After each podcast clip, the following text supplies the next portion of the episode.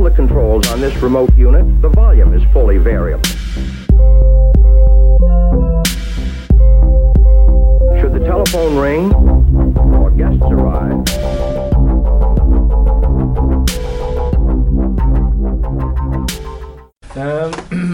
Dispositionen är ganska enkel. Jag tänkte prata om ECMO vid trauma och så sen eh, så blir det generellt lite grann om ECMO också. Eh, vi får försöka förhålla oss till det vetenskapliga läget eh, och sen så kommer vi att diskutera en del praktisk metodik.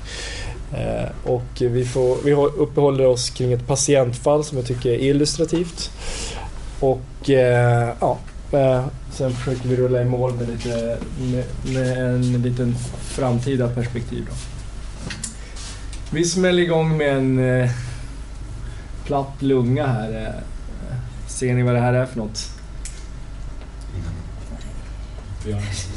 Den är lite överexponerad så den ska inte vara lätt. Liksom. Vi ser en tub på plats va? Vi ser kanske lite luft här. Vi ser någonting här kanske är lite bredare än CVK. Det verkar gå hit någonstans. Ja. Där har vi den. Det är traumpatient. Där har vi ingenting. Där har vi piangen. Ja. Det är, och här har vi någonting som ser ut som en ECMO-kanyl. Den är nog bra att ha om man inte har någonting där och den där och det är där. Eh, ja, ehm, så här kan det se ut vid ECMO. Det behöver inte vara trauma, utan det kan vara ECMO. Men den här ser ju inte bra ut, men det kan vara bra med ECMO då. Det finns en organisation som heter ELSO, den är världsomspännande. Den säger vad vi ska göra och inte. Den säger så här, 2017. CNS-blödning som är aktuell expanderare, det ska man inte lägga på ECMO. Relativa kontinuationer, det är pågående blödning eller ökad blödningsrisk. Och det kan man ju tänka sig att traumaklientelet ligger i då.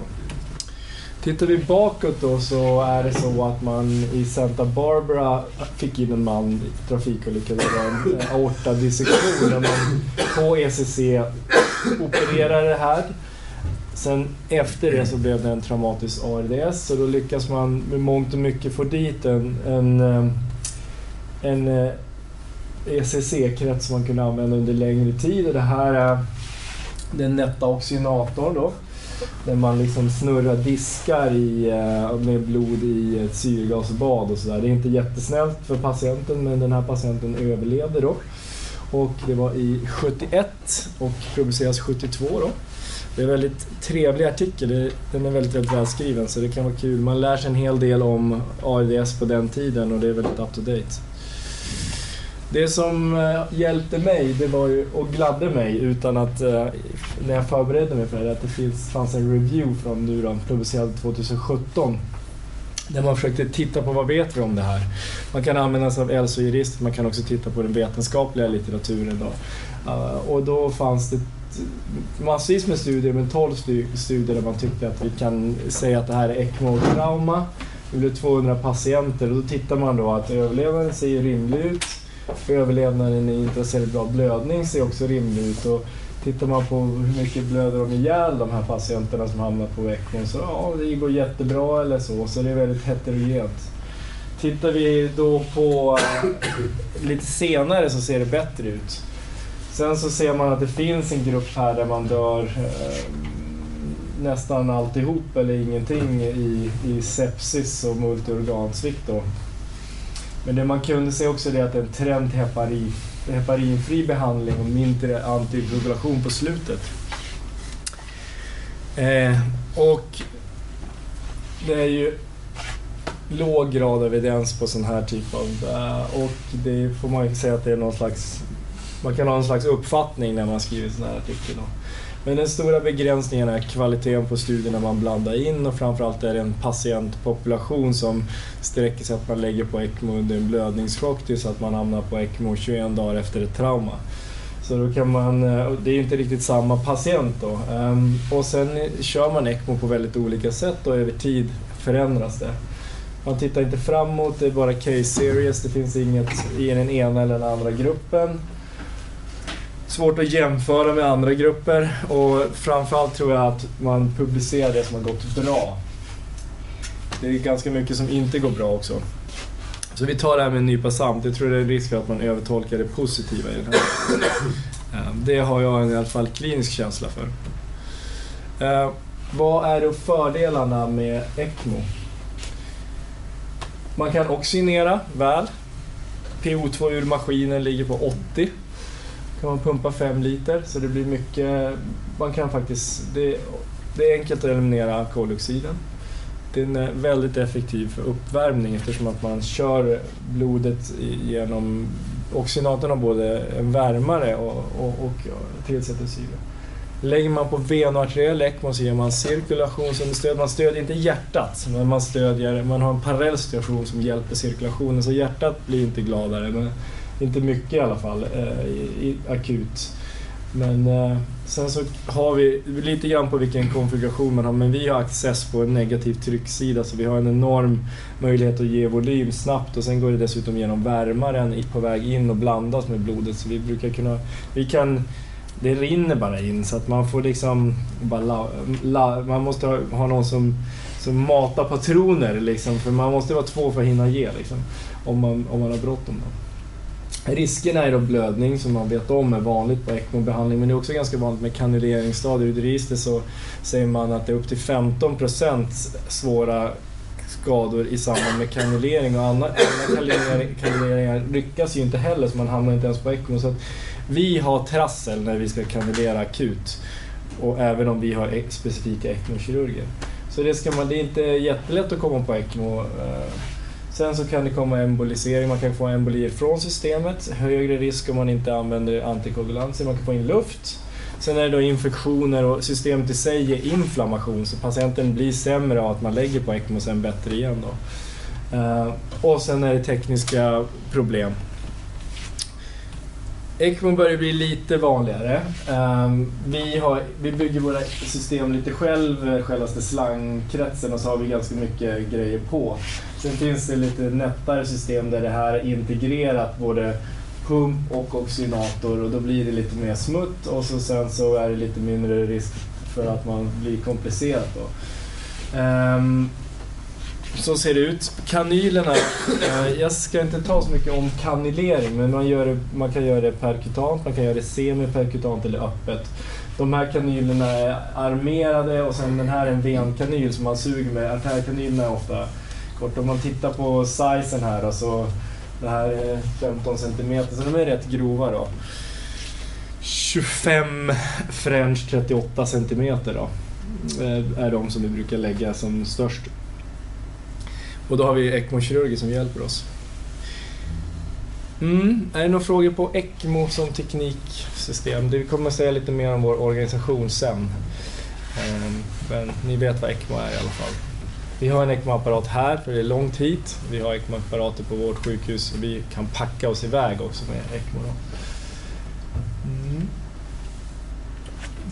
Vi eh, tar ett patientfall. Eh, jag hade förmånen att slippa skriva in den här patienten, det brukar jag annars behöva göra. Det här är inte patienten. Eh, det är faktiskt Rasmus. Föredömlig inskrivningsanteckning. Ehm, det här är ett trauma då. Det var 2015 i april. En tidig morgon. Eh, det finns en bakgrund med psykiatrisk problematik. Ehm, caset då, det är att det är en 21-årig man är påkörd av tåg tidig morgon. 04.50 och eh, underkroppen är fastklämd och hur det där var det vet jag inte men det var någonting med någon slags bromsok mellan några tunnelbanevagnar. Han är medvetslös, han har sårskador på ansiktet, man säger att han har fri luftväg, det har kommit fram brandkår och polis. De tycker att det är mindre andningsljud vänster och han har fått en tourniquet på höger lår eh, som då var satt fast här. Så det är vad som var on scene. Um, ambulans och amb helikopter um, tillkallas.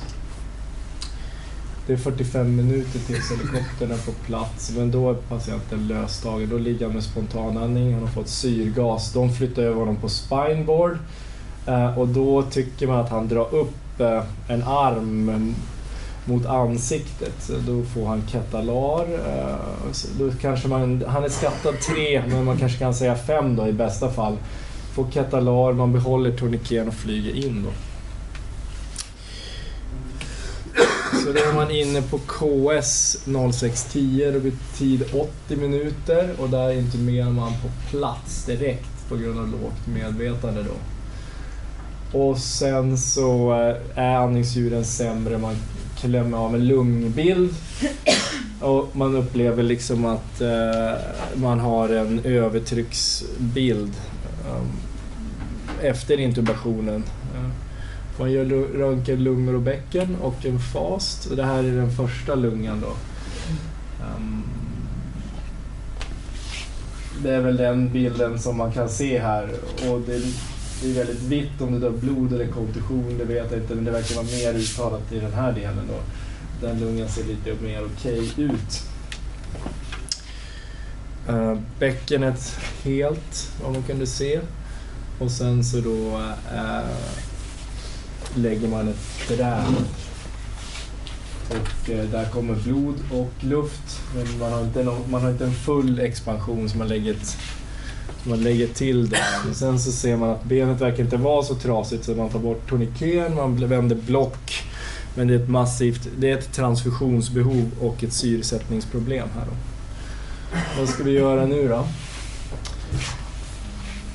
Klen i tryck, nytubad, två drän, bilden. Eh, vi vet vi förväntar oss att lungorna expanderar av det.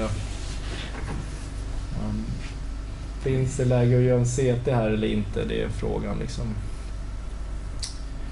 Det man upplever det är att det är framförallt syresättningsproblem, mindre, och, man har svarat på volym. Så man går faktiskt till en CT på honom.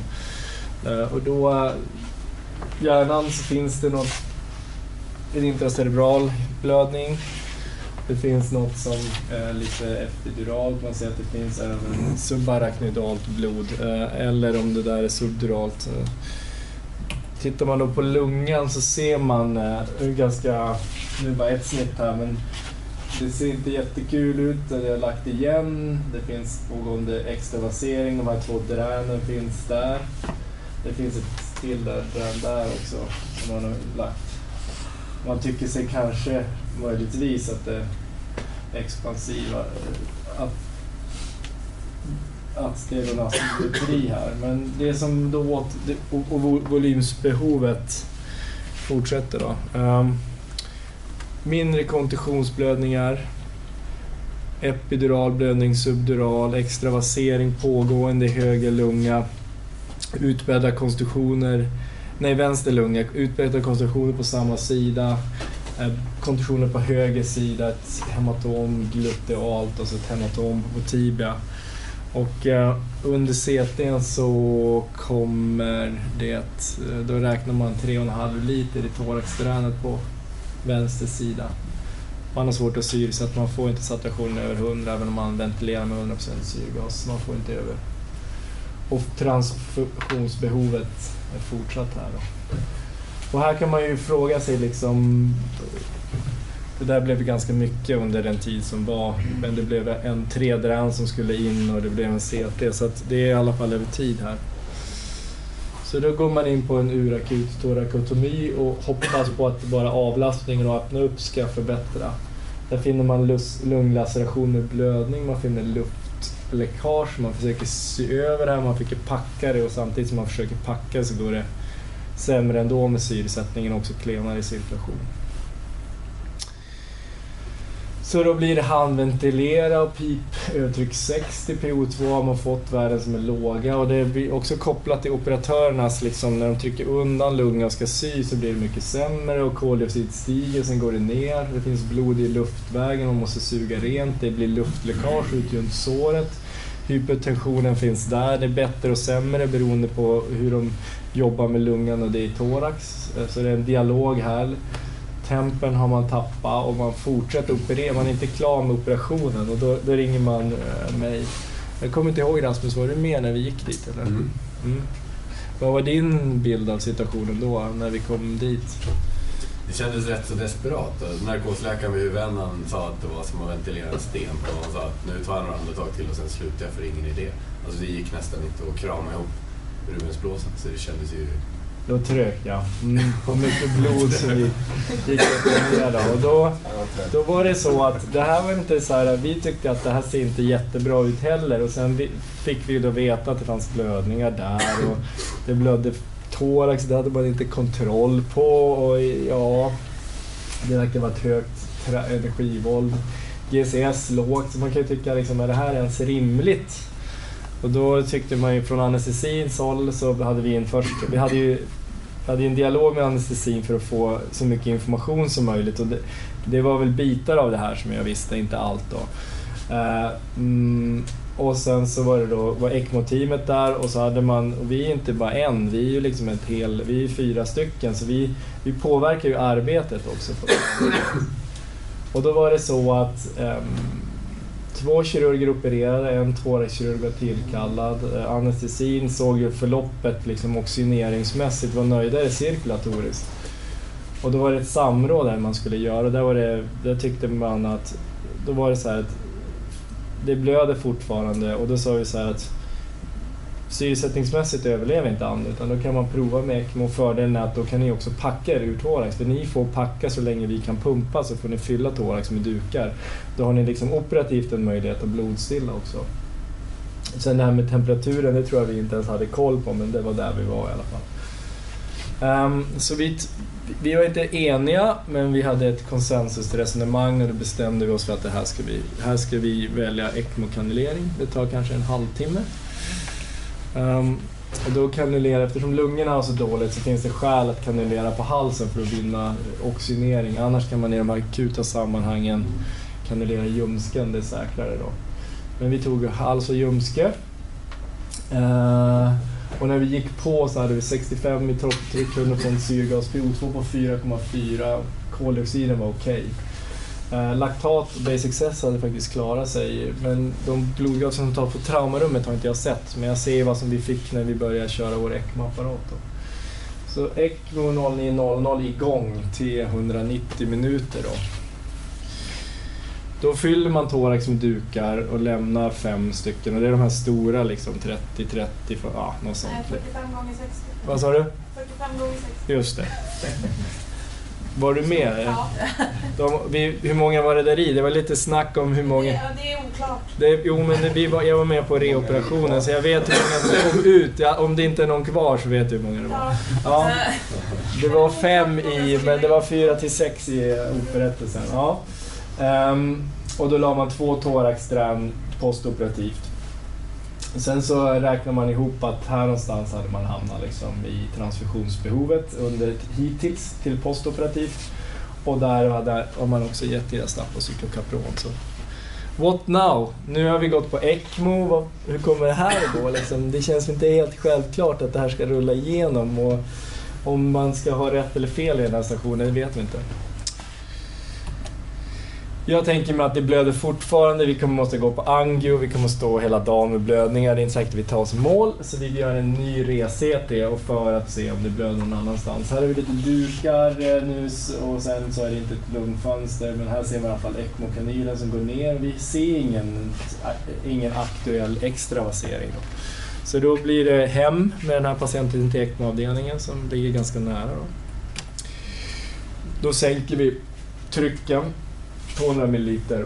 Då blir det inte så mycket lunga kvar, men vi kan bra, pumpa bra ECMO och vi märker liksom att trycket är lite klent. Låg pulsamplitud, eh, men vi får undan laktat och base excess så det ser bra ut. Och vi tror att den här packningen och expansion, att det finns ändå en pågående blödning. Så det kräver lite volym. Vi har inget heparin, vi lägger på dialys för att stabilisera patienten. Eh, eh, och sen så kommer man att göra sekundärundersökning då från traumaenheten på ECMO-IVA.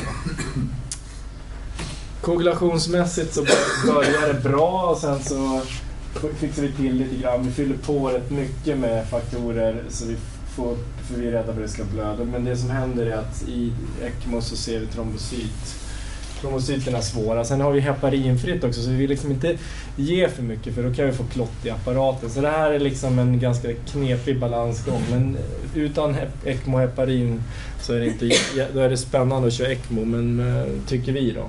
Så att, eh, därför så transcenderar vi inte upp högre än till 50 då. Vi följer koagulationen fyra gånger per dygn och sen så i det här fallet så gjorde vi också multiplate och, och rotemanalyser men det ska jag titta lite närmare på sen. Så vi hade tänkt ta det flera gånger dagligen och följa, följa profilen men det, det föll bort då. Sen eh, hämtar sig lungorna lite grann, det stabiliseras och redan dagen efter gör man en reoperation då. Tar man ut de här dukarna då ser man ju att Eh, det är ganska stora delar av lungorna som är elektastiska på den här tiden och det är ganska stort område som då buken, ja, nu ser man inte tydligt men det är liksom, här har vi lite lunga och här är lite trasigt och blod och det här är liksom när man har lyft ut allt och vi ventilerar ändå så att eh, och det vill inte expansera så det är liksom manifesta infiltrat som inte går undan då. Men eh, postoperativt dagen därefter så börjar det liksom snygga till sig. Den här har ju fått sig en kyss liksom och här också. Här är det fortfarande ganska atlektatiskt men man har sytt igen lite. Har sina två drän och det börjar gå faktiskt ventilera. När patienten stabiliseras så drar vi undan en massa volym, vi lägger till låg, låg dos heparin dag tre och på morgonen och på eftermiddagen kan vi gå av då. Då pressar vi oss av då med ett syrgaskrav på 70 procent, det brukar vi inte göra. Vid dekanyleringen får vi en emboli i, vänster, i höger ben ska det stå eh, och eh, får man sota höger ben. Eh, och där tycker man att cirkulationen till viss del är återställd. Då. Dagen efter flyttar man över till SIVA och då den här patienten ligger, trackar man för väckning men sen då dagen därefter, är nog SIVA dag 2 och 3, så blir det takikard och det saturerar. Och då får, kontaktar de oss igen och då, då har det varit, eh, det är så att när lungan expanderar har man fått ett, ett luftläckage och sen är dränen dysfunktionella. Så alltså när jag kom dit så vred jag bara på thoraxdränen och då bubblade det till massor och sen tog vi en bild och då var det fortfarande inte full expansion. Så det, det var nog så att när lungan expanderade så fick man återigen en pneumotorax i det här skadade området och sen var det pågående luftläckage under en längre tid. Um, han vaknar inte till jättesnabbt eh, utan det tar tid. Han får candida sepsis, höger ben behöver man göra en fasciotomi om det var vår emboli eller inte, det kan man kanske misstänka. Dag 14 gör man en MR som visar DAI-skador. Dag 15 är det vårdavdelning. Och på sex månaders eh, kontrollen så är det har det varit en längre tids neurorehab. Eh, min höger ben har han droppfot och sen är det eh, men han är inte helt återställd, han behöver hjälp och stöd men han överlevde det här i alla fall. Ja, var det rimligt eller inte tycker ni? Brattström. Mer av allt. Nej men... Eh, det, det som talar, det man kan säga här, det här är ju ett patientfall, tre timmar. Det här skulle ju kunna också, nu blev det otroligt, men det är ju nästan skulle man skulle kunna nå ut till rätt många sjukhus på den här tiden. I ett parallellt fall, det behöver inte vara på KS det här. Får man en timme till på sig så når vi rätt många av er om man tänker sig det. Nu är det ju svårt att tänka ECMO kanske initialt men i alla fall om förloppet skulle vara lite längre så skulle vi kunna nå ut. Och, eh, och då desto liksom längre förloppet är desto mer vet man om blödningsproblematik och andra skador. Men eh, jag tycker det var rimligt och vi hade en dialog och det var framförallt en, en, en skada på thorax och, och de intracerebrala skadorna var, var mindre. Så att, eh, ja, det kunde lika väl varit så att han hade en expanderande blödning i hjärnan och då hade det inte gått. Ja, Så det var relativ kontraindikation? Ja, det, det, blödning. det, ja. Men för Så man, det bedömer man? Det är väl en absolut, men den är relativ. Det, ja. Vi kan väl eh, vi kan komma till det, eh, för det blir lite grann av slutsatsen. Man kan säga att risk, vi har kanske överskattat riskerna, med, men då att jag säger det är risk för att det är publication biased, att jag är lite väl positiv. Men man kan fundera, ska man använda ECMO i resuscitationsfasen? Eller ska man använda den vid sviktande maximal intensivvård? Och I den här fasen så kallar man det också ECMO-trauma och i den här fasen som kan vara dag sju blandar man in många patienter i den här studien. Det är inte riktigt samma som den här patienten. Så det är två lite olika grupper och här blandar man och vi har, kan vi säga hur det ser ut för oss då. Vi har kört snart 1200 patienter, 30 år. Vi har 85 patienter per år, vi har lite mer transporter för vi kör lite mellan och lite åt andra och sådär. Eh, två i veckan. Eh, vi har fått ihop eh, på de här, eh, för 97 som har varit första traumafall, så är det 50 patienter och de är ganska knackiga. Det att vi har liksom lite, de flesta lägger VV i sent IVA-förlopp i, i studier och vi är liksom lite mer, det här är det mer det som hamnar på ECMO inom, inom 24 timmar då. Så vi ska titta på det här materialet. Jag ska faktiskt spänna mig till Olof och titta hur vi kan om vi kan göra några jämförelser med hur ni gör då. Uh, så vi, som man ser på oss då, så att om man sätter de här ALS-grupperna, om vi kallar det för det då, vad det, och vad det nu är, och eh, cirkulationsvikt eller liksom HLR-gruppen som går på tidigare. Uh, så en, I de här grupperna så är det 113 timmar de hamnar och behandlas men det, är liksom, det varierar rätt mycket hur länge ECMO de behöver och då tittar man då så är det den här gruppen cirkulationsvikt HLR är ganska liten i förhållande då. Eh, och tittar man hur det går då så är det den som har ARDS, den liksom sköter sig men vi är upp mot 70% överlevande icke-traumamaterial. Och om vi tittar på den här cirkulationskrasch-flash eh, HLR-gruppen så går det mycket sämre då. Um, mm. Så varför kan man använda ECMO förut? Och det, kan man ju, det här är ju då teoretiskt, det här är ju eh, vad man kan använda det för men inte bevisat att man ska.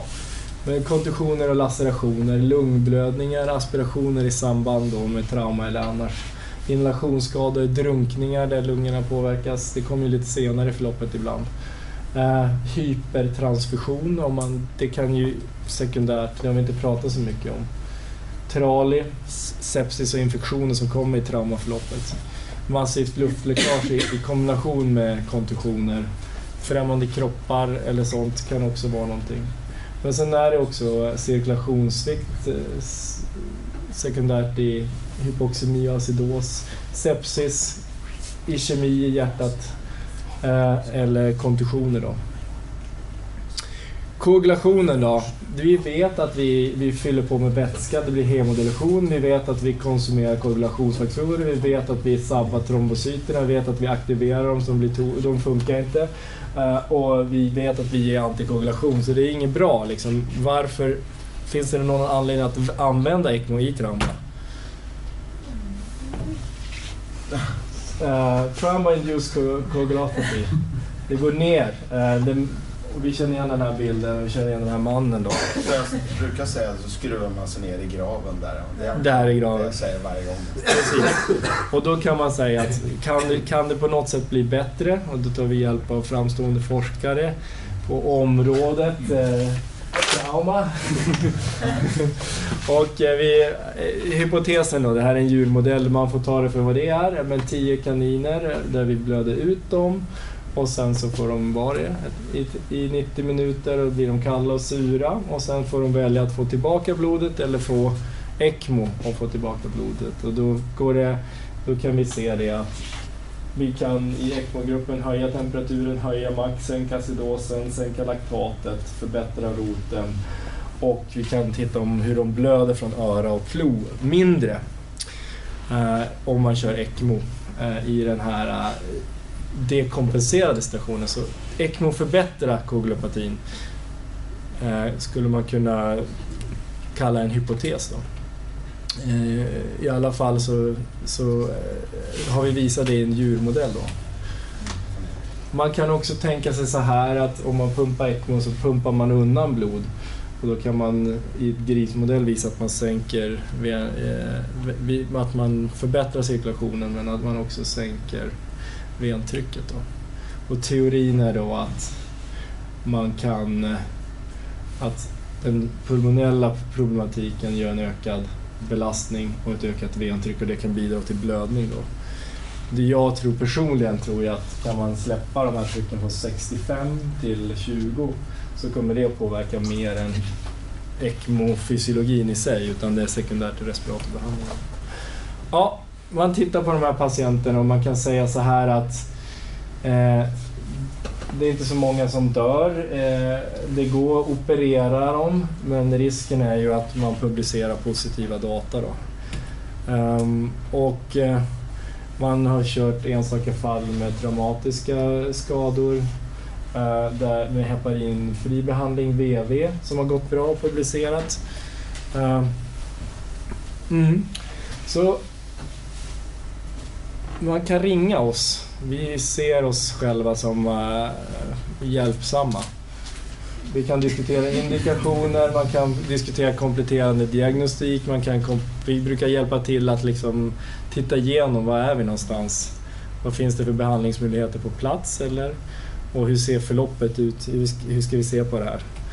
Det vi brukar hamna i då, det är ju om vi tänker sig en svår ARDS och trauma, det är vilken ventilatorstrategi ska man prova PROM? Hur ser det ut med volymsbelastningen ackumulativt? Har vi någon infektionsproblematik som vi bör beakta eller ta höjd för? Tänk på buktryck och annat, hur det påverkar.